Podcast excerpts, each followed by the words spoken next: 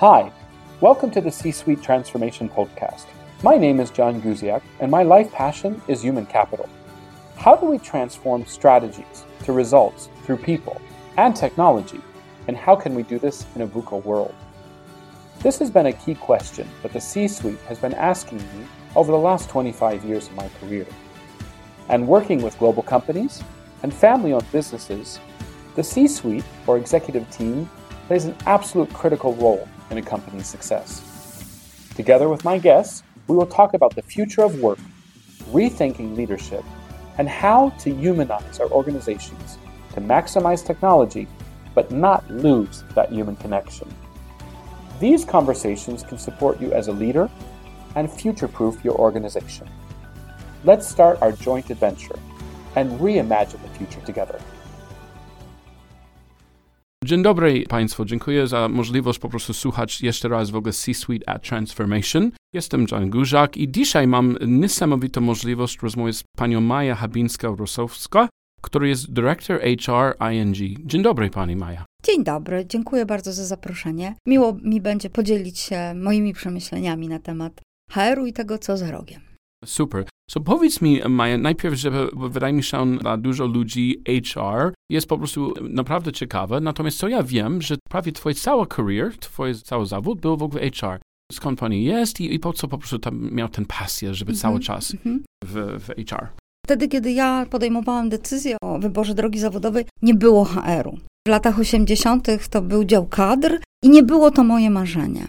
Natomiast tak się złożyło, że po różnych kolejach losu w 96 roku ja musiałam zdecydować się, w jakim kierunku będę chciała rozwijać swoją karierę zawodową. Mhm. Przeglądałam różne ogłoszenia, wtedy się jeszcze czytało gazety papierowe. No i z analizy wyszło, że w zasadzie do działu personalnego Mhm. to zatrudniają tylko osoby powyżej 35 roku życia na stanowiskach menedżerskich. Mhm. No i ja wpadłam na taki pomysł, że skoro to jest w miarę nowe Mhm. i można się tego nauczyć, i mam 28 lat, to do 35 roku życia ja się tego HR-u jakoś wyuczę Mhm. i mam szansę na zrobienie takiego kroku, żeby z pracownika stać się menadżerem personalnym. To, to, Mhm. pie- to był jedyny raz, kiedy sobie w życiu postawiłam taki poziom, Mhm. cel, żeby mieć jakieś stanowisko. Mhm. No i ponieważ od czegoś trzeba było zacząć, to zaczęłam od tego, co jest w HR-ze niezwykle istotne, ale bardzo niedoceniane, czyli od tej twardej strony, bo jednak HR-owiec musi rozumieć prawo pracy, Mhm. musi wiedzieć, jak działają systemy ubezpieczeń społecznych. To jest wiedza bazowa. I pierwszym moim takim zawodowym krokiem Mhm. było stanowisko specjalisty do spraw personalnych. Mhm. Ja tam na tym stanowisku robiłam wszystko Mhm. i to był chyba pierwszy moment, kiedy odkryłam, że ten HR,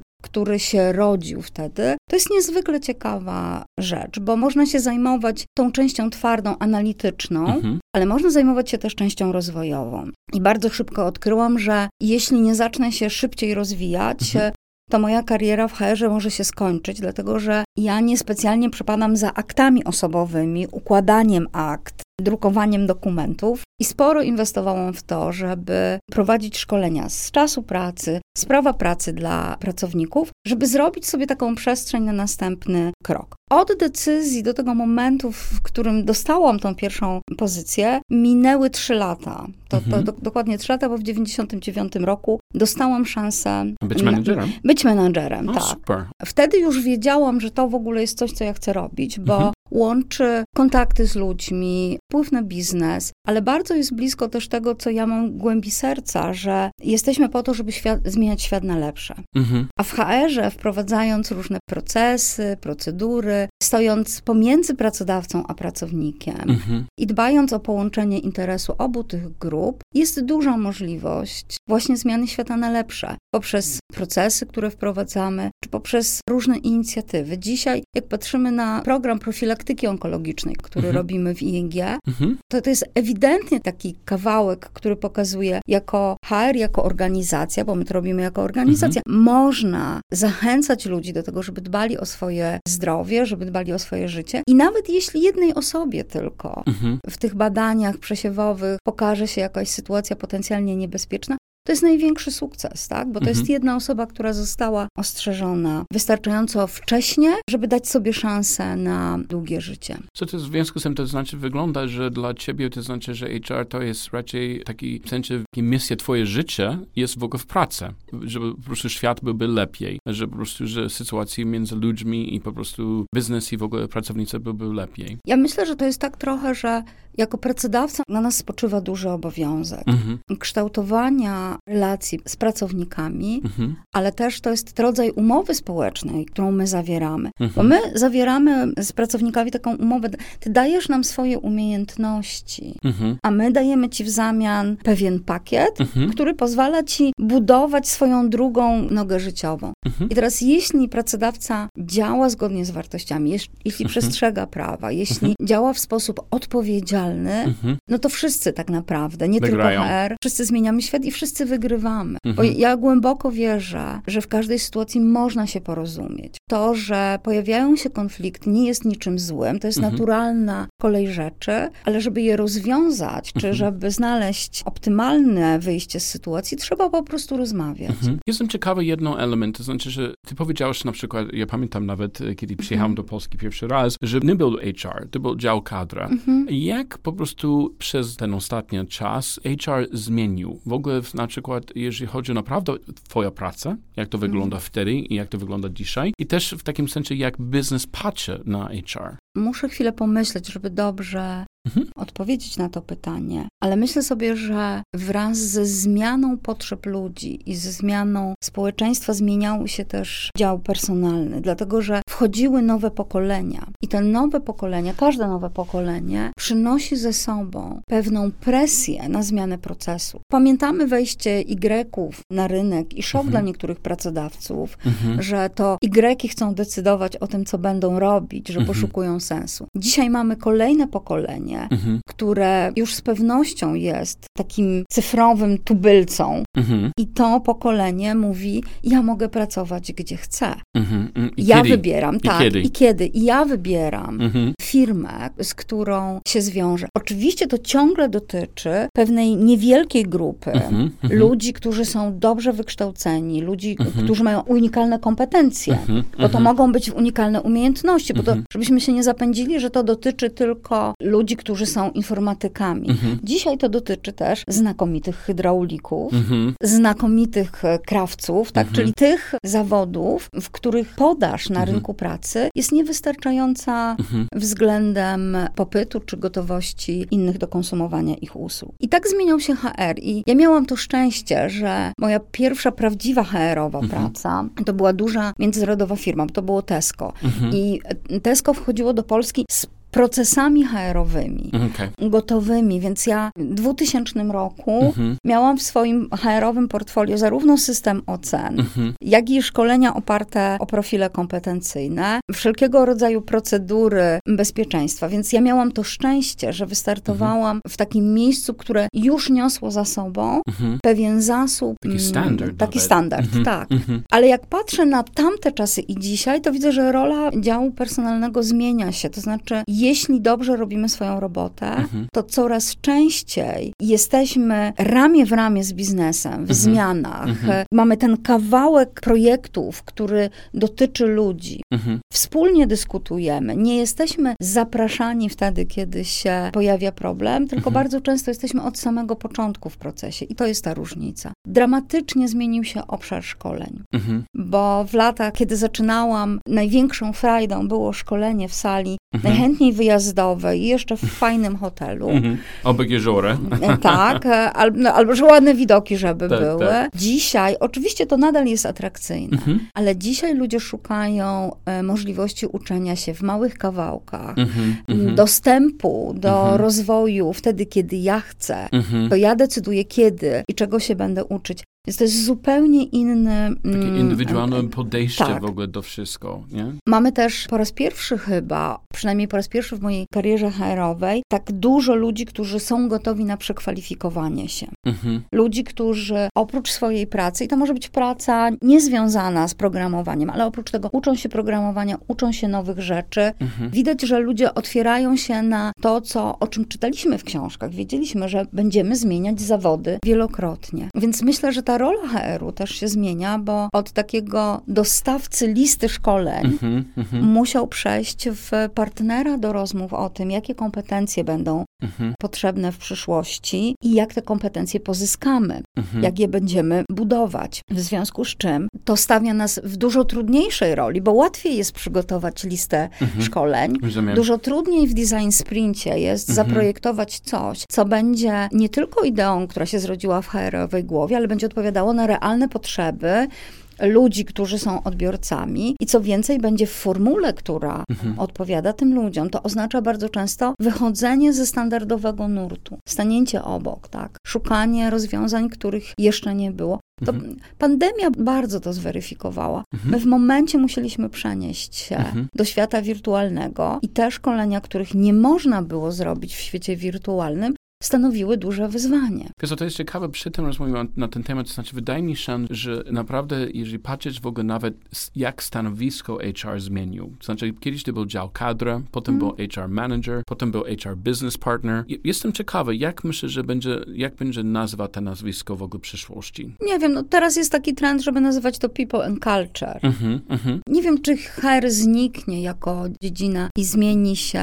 w people and culture, support, nie wiem, cokolwiek tam będzie. mhm. Wydaje mi się, że nazwa jest wtórna, bo czy my jesteśmy people i culture, czy kadry, czy HR, nazwać się można. Pytanie jest, co jest pod spodem. Stąd ja bym powiedziała, że istotniejsze są te podfunkcje HR-u, Mhm. Ich efektywność i ich sprawność, niż myślenie o tym, jak to się będzie nazywać. Rozumiem, jak to naprawdę i jak po prostu ludzi patrzeć w ogóle na, na, Tak, na HR, jak to tak, wygląda od strony tak. strategicznej. Jeżeli chodzi w ogóle o tę pandemię, to znaczy, że to był ogromny szans dla HR, żeby po prostu w takim sensie być jako, tak jak ty powiedziałeś, żeby raczej niż być reaktywny, był raczej w takim sensie proaktywny. Mhm. Widzę ogólne, globalne, dzięki w ogóle naszej Global Human Resources Trend, że de facto ludzie, którzy mieli więcej zaufania w HR, był coraz wyżej. I nawet w Polsce. To znaczy coraz więcej Mhm. ludzi wie, że po co. Bo nawet był moment kiedyś, że HR jest dead. Mhm. To znaczy, że, że w przyszłości po prostu, że HR będzie, nie wiem, change CIO, you know, technology. Jestem ciekawy po prostu, że kiedy ty zaczynasz słuchać o w ogóle pandemii, rozumiem, że będzie mieć ten lockdown i tak dalej. Znaczy, jak byłby twoje takie pierwsze priority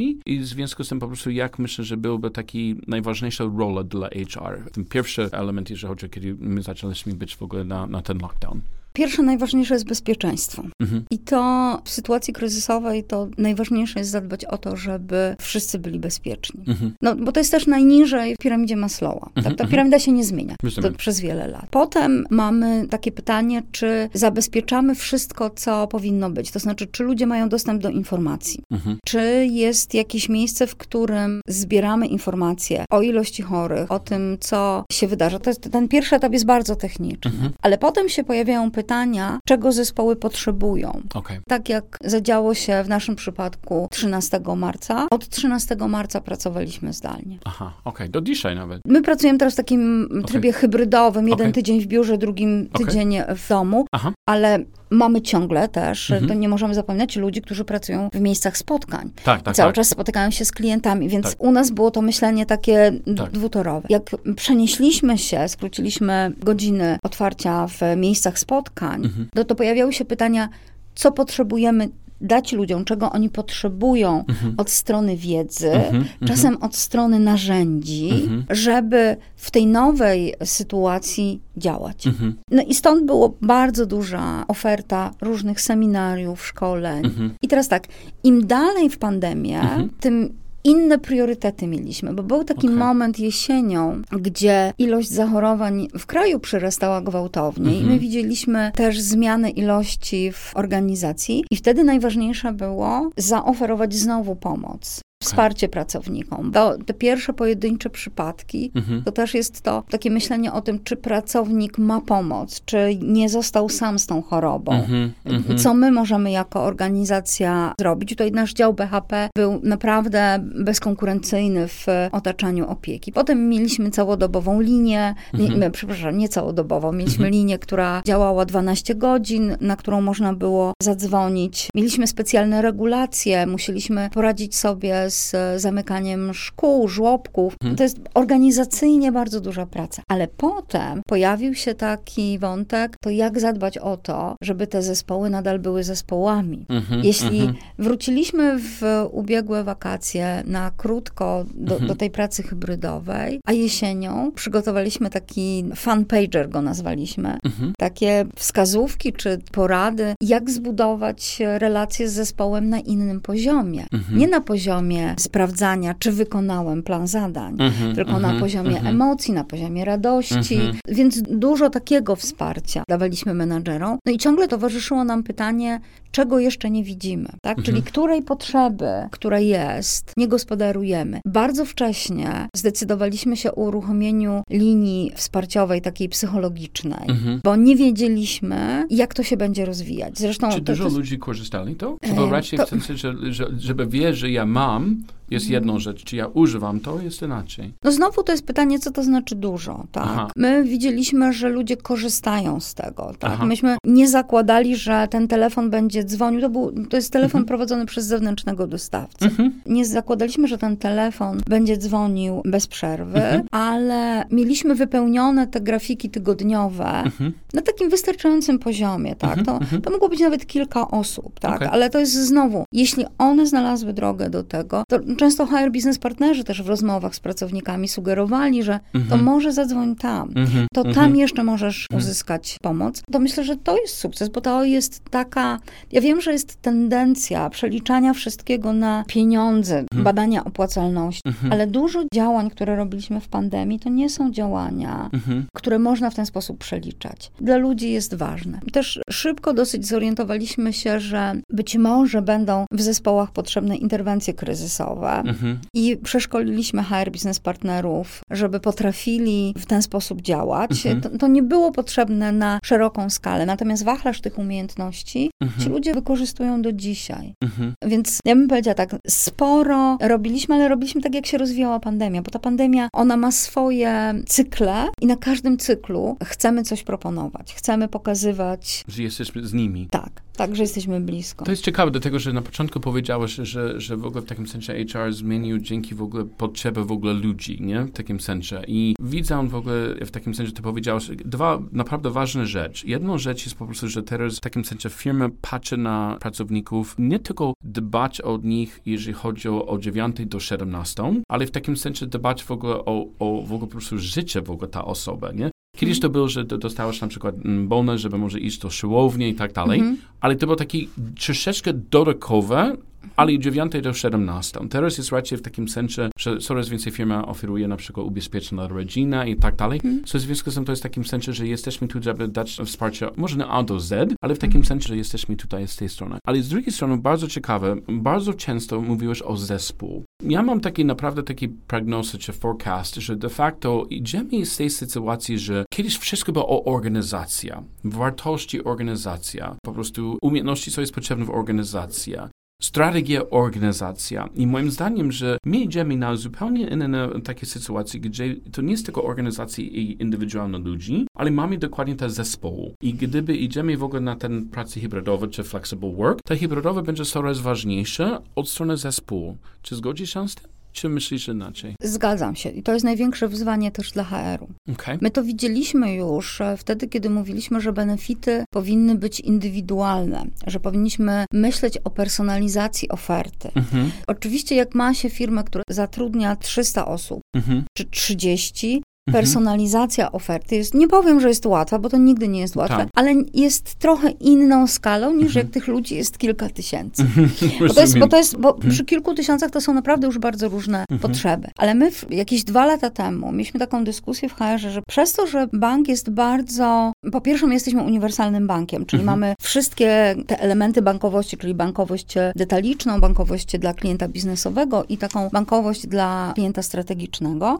Nie ma jednego dobrego rozwiązania, Rozumiem. bo co innego potrzebuje pion bankowości detalicznej, czego innego potrzebuje IT, a jeszcze czego innego potrzebują operacje. I my budując nasze rozwiązania, budujemy pewną ramę, ale mówimy, że dla finansów będziemy budować na przykład zupełnie inną ścieżkę rozwoju i to jest ścieżka, która eksploruje potrzeby ludzi związanych z finansami. Tam są i certyfikacje, różnego rodzaju wiedza, która potrzebna jest do tego, żeby być efektywnym, ale to też jest cały wątek prezentacji danych, zarządzania danymi, a inną ścieżkę budujemy dla tribów zajmujących się częścią bankowości detalicznej, bo oni potrzebują czego innego. Więc to już jest zejście na poziom zespołu. Rozumiem. I teraz ja bym powiedziała tak, że pandemia pokazała, bo to każdy kryzys jest takim sp- sprawdzam. Mhm, mhm. I on sprawdza organizację, bo jeśli organizacja nie inwestowała w well-being pracowników, w dobrą jakość przywództwa, w dobrą kulturę organizacyjną, w dobrą markę, to w czasie kryzysu tego nie zbuduje. Tak? No to ona musi, ona musi już, z tym zasobem być, wejść. Już tak? Em, Więc kryzys Mhm. mówi sprawdzam, ale mieć kryzys mówi też sprawdzam menadżerom. Czyli na poziomie zespołu widzimy tych, którzy radzą sobie z tą sytuacją bardzo dobrze Mhm. i zespoły bardzo szybko przeniosły się na pracę zdalną, Mhm. te, które mogły się przenieść oczywiście, ale też widzimy li liderów, którzy sobie świetnie radzą z tym, żeby pracować z ludźmi w miejscach spotkań, którzy są narażeni na pewne zagrożenia Mhm. związane z pandemią, szczególnie w tym pierwszym okresie, bo w tej chwili mamy szczepionkę, więc jeśli ktoś chce się zabezpieczyć, ma taką szansę. I widzimy, że są liderzy, którzy potrafią to robić. Oni najczęściej rozumieją, jak pracować z zespołem, jak być z nim w kontakcie, jak balansować tą część dotyczącą dostarczania Mhm. i część dotyczącą mnie jako człowieka, Mhm. żeby się Mhm. nie zagubić. Tak? Mhm. my mieliśmy sami takie indywidualne przypadki, gdzie ktoś Mhm. mówił, będę musiał zostać z dzieckiem, bo, bo nie mam co zrobić, ale nie chcę iść na zasiłek, chcę pracować, ale nie mogę pracować w standardowych godzinach. I Mhm. układaliśmy to, dobra, to będziesz pracował trochę rano, Mhm. resztę wieczorem i umawiamy się na zadania. Mhm. Tak? To to jest po raz pierwszy na taką skalę w tych firmach, które mają pracę zdalną, to, że przestajemy obserwować ludzi, czy oceniać ludzi na podstawie ich obecności w pracy, Rozumiem. A musimy ich zacząć oceniać na podstawie tego, co dostarczyli. Mhm. Tak? I to jest też taka duża szansa dla HR-u w dostarczaniu liderom dobrej jakościowo wiedzy, Mhm. dobrych przykładów, dobrych, nie chcę powiedzieć szkoleń, bo wydaje mi się, że liderzy w Polsce są dosyć dobrze wyszkoleni. Mhm. Sztuką jest przenieść to wszystko, co mam w głowie, albo co kiedyś słyszałem, To do to. rzeczywistości. Rozumiem. Tak? So, Czyli so powiedz mi w takim razie, bo to znaczy, że jeżeli to jest tak, jak ty powiedziałeś, że teraz naprawdę to nie jest tylko organizacja indywidual, jest zespół. Potrzeby ludzi już oni są ponad 360 dni, oni nie chcą wrócić do pracy codziennie, albo ludzie są gdzieś indziej teraz niż kiedyś było i tak dalej. Teraz po prostu mamy ten taki moment, kiedy zaczynamy myśleć w ogóle, co dalej. Nie? I jak jest, na pewno ten podcast ludzie będzie słuchać w ogóle to już w ogóle od wrześniu, nie? Jesteśmy teraz w ogóle w sierpniu. So, co myślisz, że, jakie są twoje podejście przez następne 3 do 6 miesięcy? Czy po prostu, jakie są scenarios od twojej strony i w ogóle bank, to, jak to będzie wygląda? Bo jest potrzeba pracownicy, jest war on talent, który jest naprawdę niesamowity tutaj w ogóle w Polsce. Widzą to, porównuje Polskę innych krajów, to jest naprawdę, naprawdę poważne i tak dalej. Ja powiem tak, że niestety znowu jesteśmy w takim okresie zawieszenia. My w tej chwili pracujemy w systemie hybrydowym, tydzień z domu, tydzień z biura. To jest odbierane przez pracowników co do zasady dobrze, dlatego że po takim czasie ludzie chcą wrócić do biura. To też jest takie bardzo ludzkie. Wtedy, kiedy było bardzo gorąco, ludzie przychodzili bardzo chętnie do biura. Aha, bo, bo w biurach jest klimatyzacja. Więc myślę, że przed nami też jest takie wyzwanie, jak znaleźć dobrą odpowiedź na pytanie, po co my przychodzimy do tego biura. To jest to why. I my mamy ze sobą już taką dyskusję, że zespoły powinny się spotykać, ponieważ Mhm. bez mikroreakcji, bez tych spotkań takich przelotnych, Tak. takich przypadkowych rozmów, nie będziemy zespołem, będziemy tylko grupą ludzi. W związku z czym my w tej chwili, no jest oczywistym, że są takie funkcje w Mhm. banku i są takie miejsca, Mhm. które nie będą pracowały zdalnie. Mhm. I też staramy się to wprost komunikować, żeby nie było. I to jest też jedno z wyzwań na przyszłość, że Mhm. W procesie rekrutacji trzeba będzie wprost mówić To ludziom. jest stanowisko, To jest, to jest takie stanowisko, Mhm. gdzie pracy zdalnej, przynajmniej na ten moment, bo my nie wiemy, jak będzie wyglądała Aha. przyszłość, jak będzie Rozumiem. postępowała automatyzacja, Mhm. jak zmienią się też zachowania klientów, bo nie wiemy, czy przejdziemy jeszcze bardziej w stronę digitalną, Mhm. nawet jeśli mamy jakieś przeczucia. Rozmawiamy z zespołami i szukamy najbardziej optymalnych rozwiązań, tak żeby godzić potrzeby pracodawcy Mhm.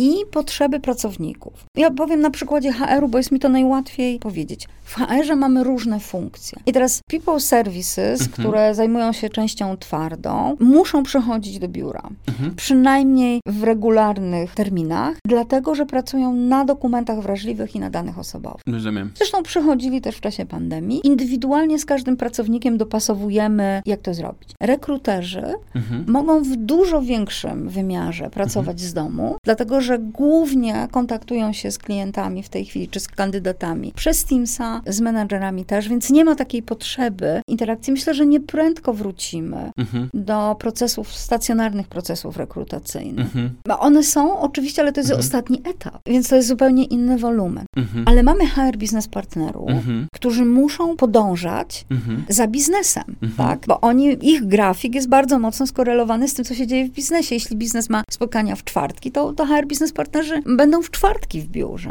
Rozumiem. Tak? Rozumiem. Każdy z nas ma jakąś ilość dni sugerowaną do pracy w domu, Mhm. ale będziemy to dopasowywać do tego, co jest aktualnie do zrobienia. Tak? Mamy też przestrzeń, Mhm. wiemy, jaka ta przestrzeń będzie. Ona będzie wyglądać nieco inaczej. Mhm. Mhm. Ona będzie też pewnie inna powierzchniowo. Mhm. Natomiast Bo, bo biuro będzie zmienił, to znaczy po co biura się, biuro jest. tak, biura się Mhm. zmieniają i te biura u nas zmieniają się bardzo szybko, tak? I to widać. My też często na stronie publikujemy to, co robimy. My się będziemy wewnątrz HR umawiać, Mhm. jak będziemy tą naszą przestrzeń dzielić, tak? Mhm. Żeby się spotykać. Mhm. No, jesteśmy świeżo po takiej dyskusji, jak budować zaangażowanie, jak budować e, taką tożsamość zespołową w tych warunkach zdalnych Mhm. co chcemy, tak, które spotkania będziemy robić zawsze twarzą w twarz, które mogą być zdalne, jak sprawić, żeby pogodzić oczekiwania pracowników, Mhm. ale jak sprawić, że biznes nadal będzie mógł na nas liczyć, tak? Biznes czy klienci. To jest bardzo trudne liderskie zadanie.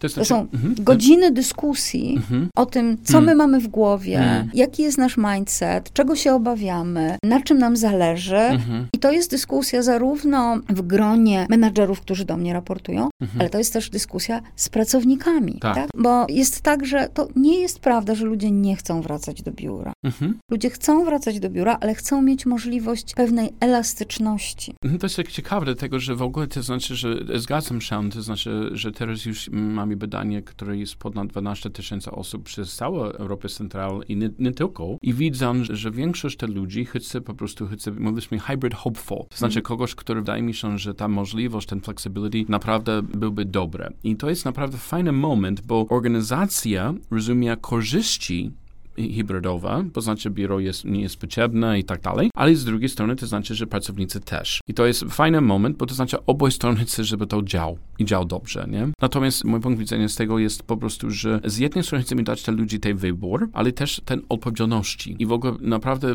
moim zdaniem przez następny rok czy dwa, lata będziemy zobaczyć naprawdę bardzo ważne pytanie jest, jak ocenimy w ogóle po prostu te zespołu i nie tylko od strony tylko po prostu productivity, ale też od strony po prostu well-being, czy, czy przez przynależności, nie? W jaki sposób po prostu w ogóle zespół funkcjonują i po prostu jak po prostu ludzie pracują razem, bo ten lider w ogóle na hybrydowe będzie miał bardzo ważną rolę, ale wydaje mi się, że będziemy iść w ogóle do tego sytuacji, że relacji między pracownicami będzie podobna i, i ważna, nie?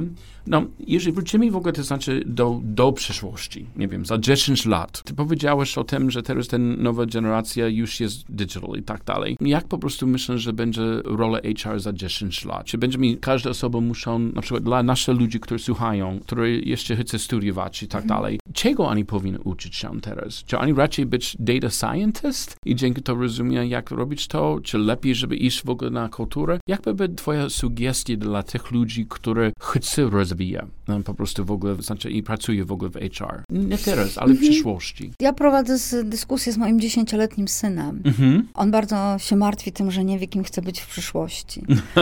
I ja mu zawsze mówię, żeby się nie martwił, żeby budował swoją wiedzę ogólną, mhm. a tym samym, żeby budował, ja oczywiście tego nie mówię mu tak, jak mhm. mówię to do państwa, ale mhm. ja chcę, żeby on miał pewną elastyczność poznawczą. Mhm. Dlatego, że jeśli będzie potrafił się uczyć, oduczać, wybierać, segregować informacje, mhm. to dzisiaj świat jest bardzo łaskawy. Okay. Jest bardzo dużo platform, które pozwalają szybko nadrobić braki, mhm. szybko się douczyć. Jeszcze szczególnie dla tych, którzy dobrze poruszają się w języku angielskim, okay. a mam nadzieję, że to będzie właśnie kwestia pokolenia mojego syna i że oni będą wszyscy dobrze po angielsku mówić, mhm. to myślę, że będzie coraz mniej ważne, jakie studia będziesz kończyć. Mhm. Dlatego, że niekoniecznie trzeba kończyć studia HR-owe, żeby pracować w HR-ze. Niekoniecznie trzeba okay. skończyć psychologię. Mhm.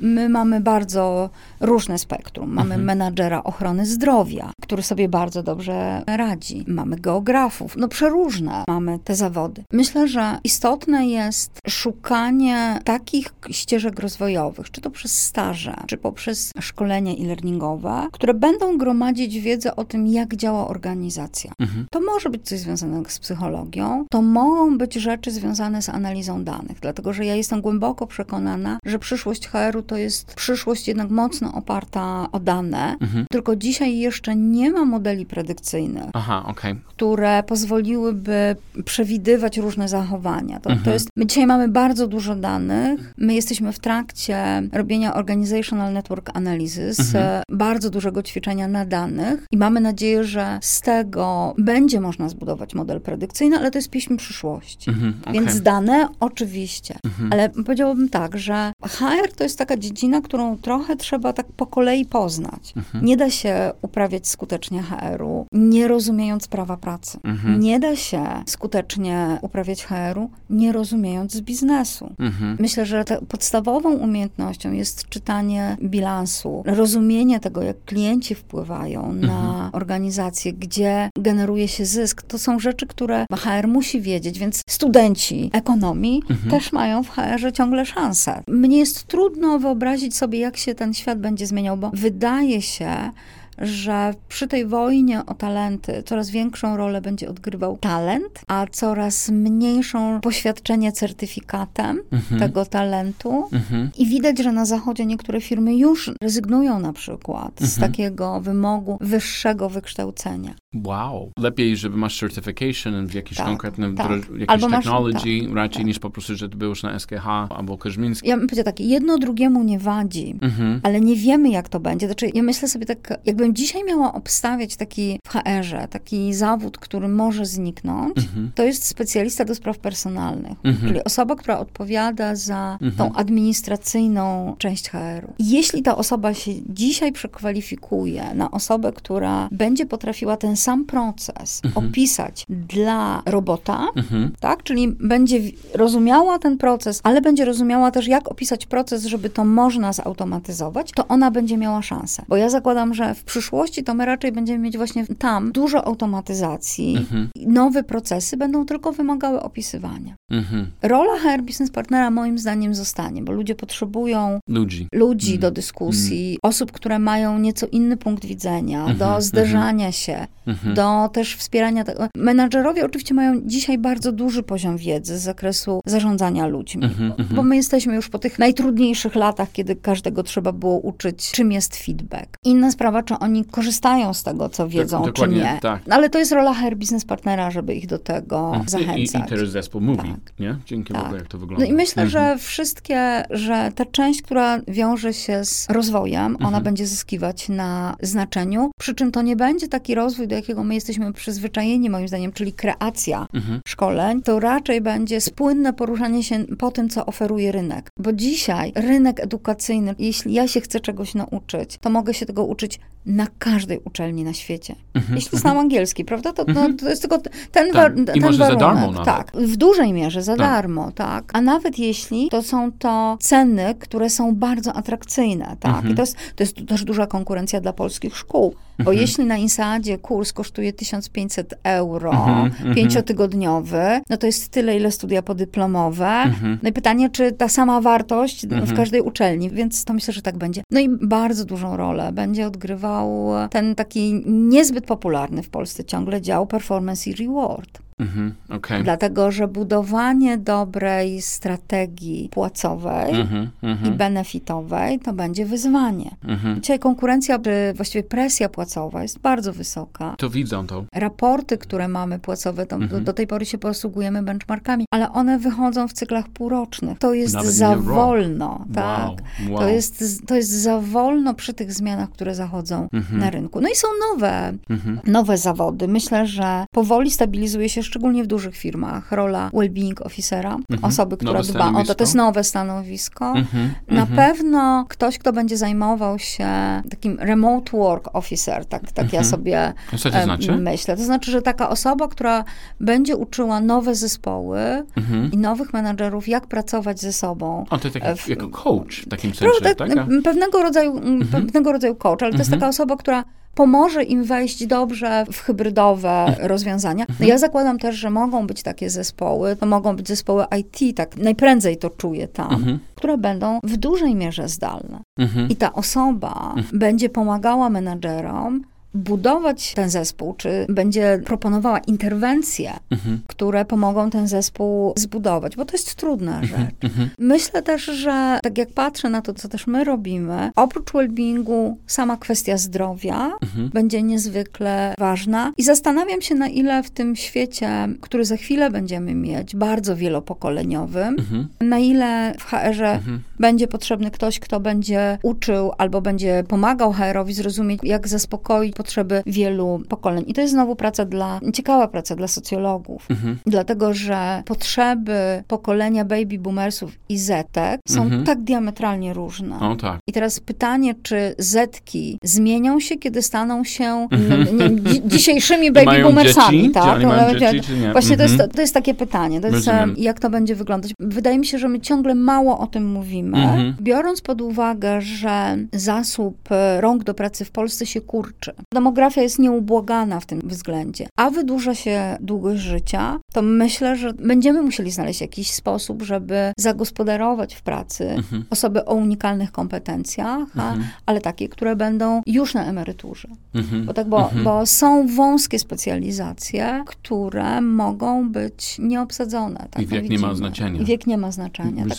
A wręcz przeciwnie, mówimy, że na przykład w takich obszarach jak ryzyko, mhm. wiek i doświadczenie mhm bardzo pomaga mhm. w poprawnej ocenie mhm. zdarzeń. Więc myślę, że to jest też takie wyzwanie, tak? No bo dzisiaj pozwalamy przechodzić pracownikom na emeryturę. Mhm. Jeśli mają wyjątkowe umiejętności albo potrzebujemy, to my staramy się zostawać z nimi w kontakcie, jeśli chcą, ale za chwilę to będzie bardzo duża grupa ludzi, tak? No bo zaczną odchodzić na emeryturę 60-latkowie. To jest bardzo duże wyzwanie. A młodych nie będzie przybywać w takim tempie, jakbyśmy chcieli. Tak. Więc myślę, że to są takie nowe rzeczy. Myślę tak, jedno będzie odchodzić w przeszłość, tak jak nie ma już asystentów kadrowych, którzy wpinali dokumenty do teczek, mm -hmm, mm -hmm. bo, bo teczki zostaną zelektronizowane, to, to mm -hmm. jest mhm. tylko kwestia czasu. Natomiast pojawiają się nowe zawody. To jest ciekawe, Maja, dlatego, że wydaje mi się, że tak jak w 1996 roku i po prostu, że ten HR i kadr totalnie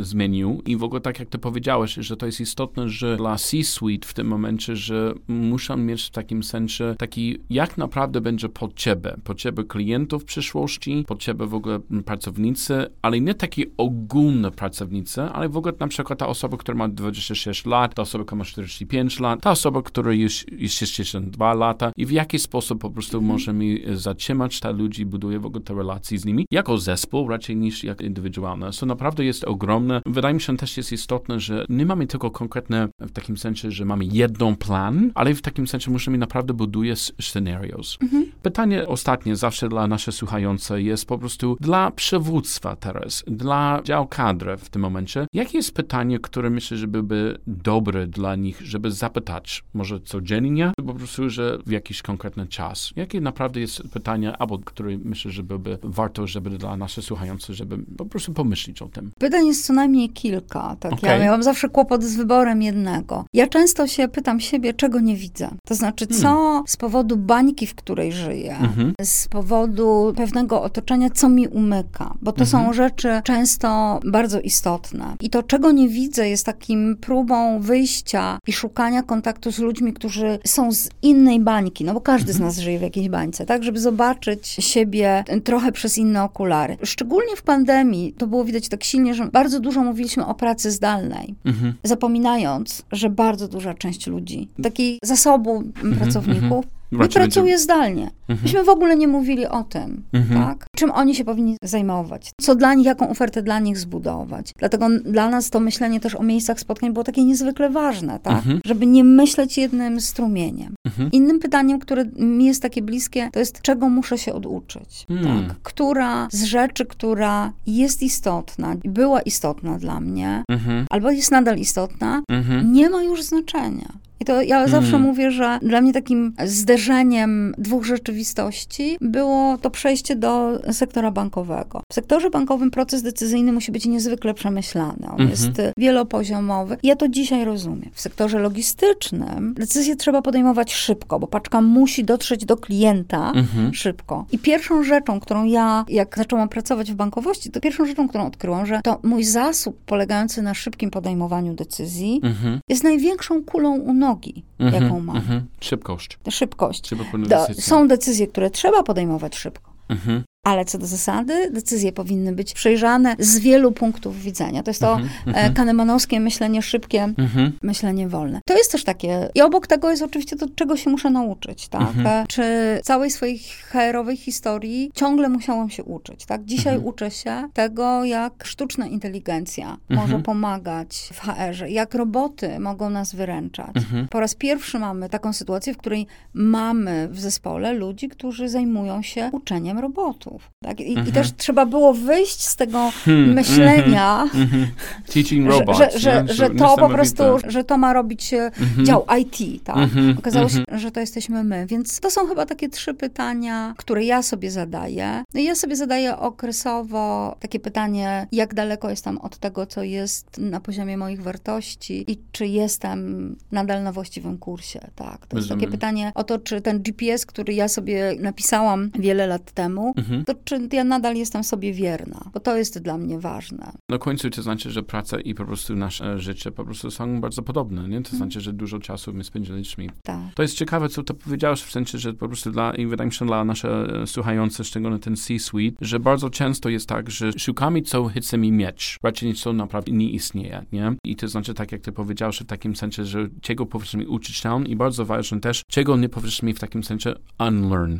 Nie? I wydaje mi się, że dzięki w ogóle, gdzie jesteśmy, ten future of work, są dużo rzeczy, które możemy uczyć się, ale po prostu też rzeczy, które możemy w takim sensie unlearn. I to stanowisko jak well-being officer, remote office worker, po prostu, że ktoś uczyć robotów, to jest nasza przyszłość.